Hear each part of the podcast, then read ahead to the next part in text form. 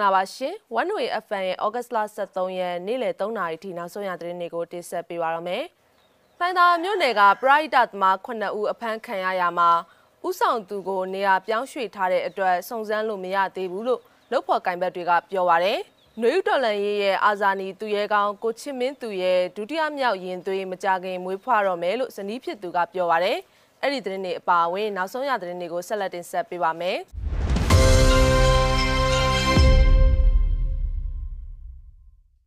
ထမောင်းဆုံးသတင်းတစ်ပုတ်အနေနဲ့စေအုပ်ချုပ်ရေးသတ်မှတ်ထားတဲ့လိုင်သာမြို့နယ်ကပရိဒသမားတဦးဖြစ်တဲ့ကိုသားစော်ကို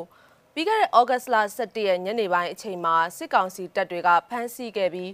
လက်ရှိမှာဘယ်နေရာမှာဖမ်းဆီးထိန်းသိမ်းထားသလဲဆိုတာကိုမသိရှိရသေးကြောင်းသူ့ရဲ့လုပ်ဖော်ကိုင်မက်တွေထံကနေသိရပါဗျ။လိုင်သာမြို့နယ်မှာကိုသားစော်အပါအဝင်9ဦးကို လှိုင်းသာရှေ့ပိုင်းရဲစခန်းမှာအတူဖမ်းထားခဲ့တာပါနောက်တနေ့မနက်မှာတော့ကိုသားစော်ကိုစစ်ကြောရေးမဟုတ်တဲ့အခြားတနေရာကိုပို့ဆောင်ခဲ့ပြီးလက်ရှိချိန်အထိအဆက်အသွယ်မရသေးဘူးလို့သူ့ရဲ့မိတ်ဆွေတွေကပြောပါတယ်အသက်33နှစ်အရွယ်ပရိုက်တာသမားကိုသားစော်ဟာဖမ်းဆီးခံရခြင်းကရိုက်နှက်နှိပ်စက်မှုဒဏ်တွေကြောင့်ဆေးရုံမှာကုသမှုခံယူခဲ့ရပါသေးတယ်စစ်ကောင်စီတပ်တွေကသူ့ကိုဝိုင်းရိုက်ကြလို့ကွဲပြဲပြီးဆေးရုံမှာကုသခဲ့ရတယ်လို့ပြန်ကြားရပါတယ်စစ်ကြောရေးတော့မဟုတ်ဘူးစစ်ကြောရေးထက်ဆိုးတယ်လို့ပြောပါတယ် သေချာမသိရသေးပါဘူးသူ့ကိုဖောက်ခွဲရေးတွေလုပ်နေတယ်ပောက်ကွဲမှုတွေကသူနဲ့ပတ်သက်နေတယ်ဆိုပြီးသတင်းတွေကလည်းထွက်နေတာပါသူကပရဟိတာပဲတောက်လျှောက်လှုပ်လာတာပါသူကလှိုင်သာယာမှာနာမည်ရှိတော့သူ့အတွက်တော်တော်စိုးရိမ်နေရတယ်လို့ပရဟိတာလှုပ်ဖော်ကင်ဘက်တူကပြောပါတယ်ကိုသားစောဟာလှိုင်သာယာမြို့နယ်မှာစေအုပ်ချုပ်ရေးကြီးညာပြီးတဲ့နောက်ဖမ်းဆီးမှုတွေရှိလာတဲ့အတွက်လှိုင်သာယာကနေတိမ်းရှောင်နေရသူဖြစ်ပြီး ကိုဗစ်တတိယလိုင်းအတွင်းအောက်ဆီဂျင်လိုအပ်မှုတွေကိုဖြည့်ဆည်းကူညီပေးဖို့ပြန်လည်ရောက်ရှိလာချိန်မှာအခုလိုဖမ်းဆီးခံလိုက်ရတာဖြစ်ပါတယ်။သူဟာလှိုင်းသာမြို့နယ်ရှိလူမှုရေးကိစ္စတွေမှာပါဝင်ကူညီဆောင်ရွက်ခဲ့ပြီးဆန္ဒပြပွဲတွေဖြစ်ပွားတဲ့အချိန်ကကူညီကယ်ဆယ်ရေးလုပ်ငန်းတွေကိုဦးဆောင်ခဲ့တဲ့အပြင်တားစော်နာမည်နဲ့တချင်းတွေတီးဆိုနေသူတဦးဖြစ်တယ်လို့လည်းသိရပါတယ်။အကြမ်းဖက်အာဏာသိမ်းခဲ့တဲ့ဖေဖော်ဝါရီလ၁ရက်ကနေဩဂတ်လ12ရက်အထိ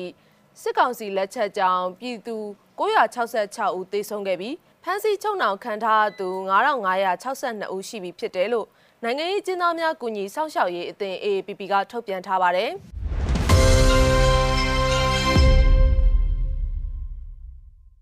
နောက်ထပ်သတင်းတစ်ပုဒ်အနေနဲ့ဆီယနာသိမ်းမှုကိုစန့်ကျင်ဆန္ဒပြပြီးတဲ့နောက်မြန်မာနိုင်ငံကိုပြန်လာဖို့ညှင်းဆန်ခဲ့တဲ့လက်ရွေးစင်ကိုသမားပြည့်ရှံအောင်ဟာ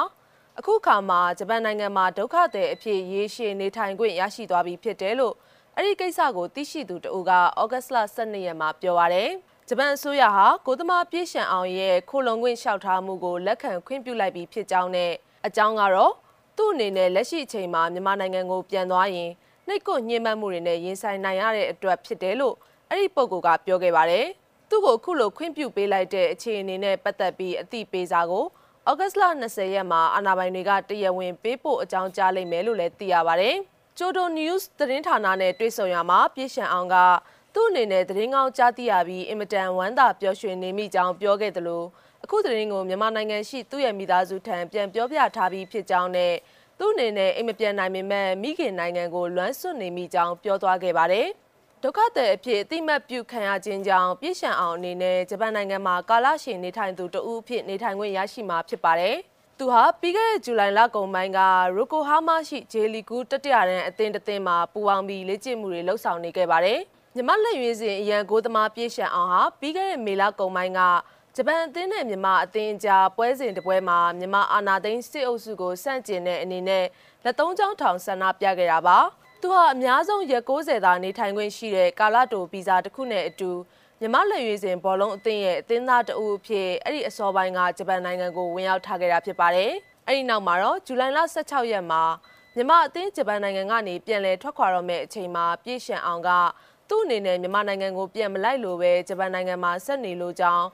အိုဆာကာစီယင်ဇုကန်ဆိုင်လေစိတ်ကလူဝင်မှုအရာရှိတွေကိုပြောကြားခဲ့ပါတယ်။သူဟာအနာသိမ့်မှုကိုစန့်ကျင်ကြောင်းပြသတဲ့လက်သုံးချောင်းထောင်တင်ကေတကိုပြသခဲ့မှုအတွက် နိုင်ငံကိုပြန်သွားရင်အသက်ဘေးစိုးရင်ရတဲ့အတွက်အသင်းနဲ့တူပြန်လိုက်မသွားတော့ပဲဂျပန်နိုင်ငံမှာဆက်ရှိနေခဲ့ပြီးတော့ဒုက္ခသည်အဖြစ်နေထိုင်ခွင့်တရားဝင်လျှောက်ထားခဲ့တာလည်းဖြစ်ပါတယ်။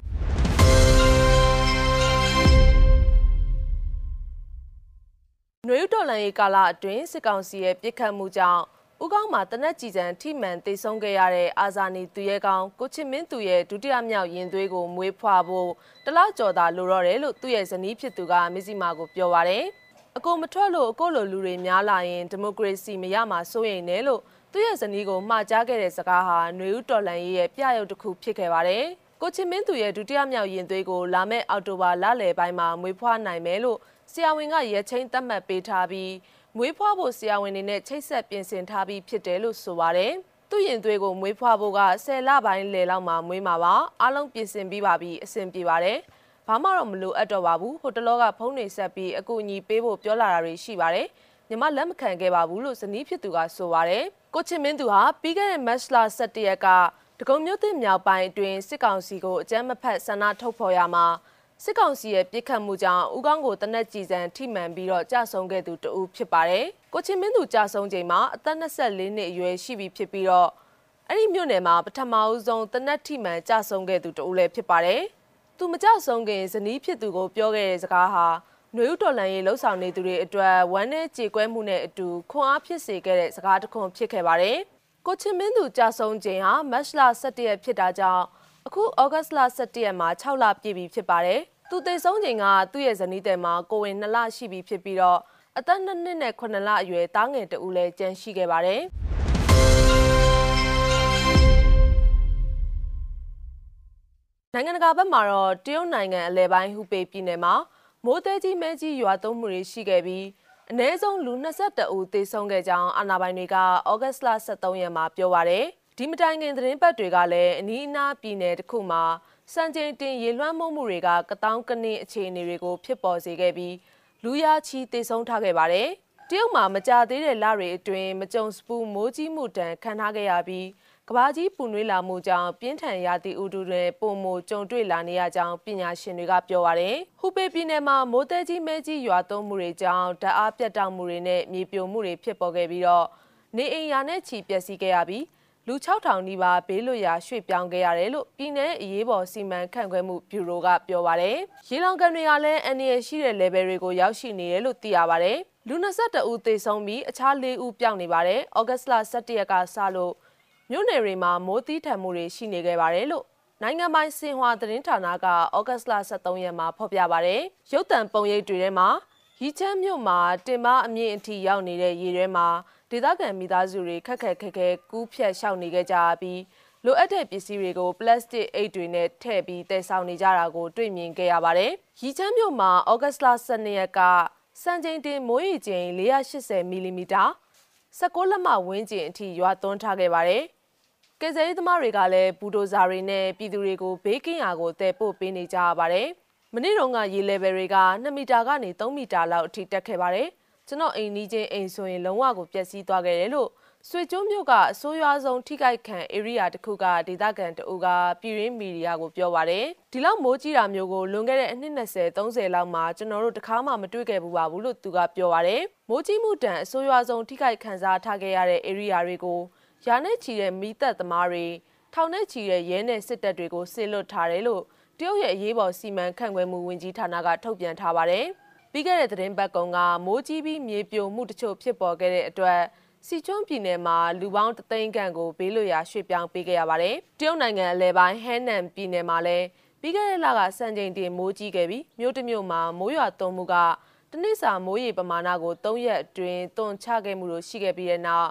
အဲ့ဒီပြည်နယ်တဝမ်းလူပေါင်း300ကျော်သေဆုံးခဲ့ရပါတယ်။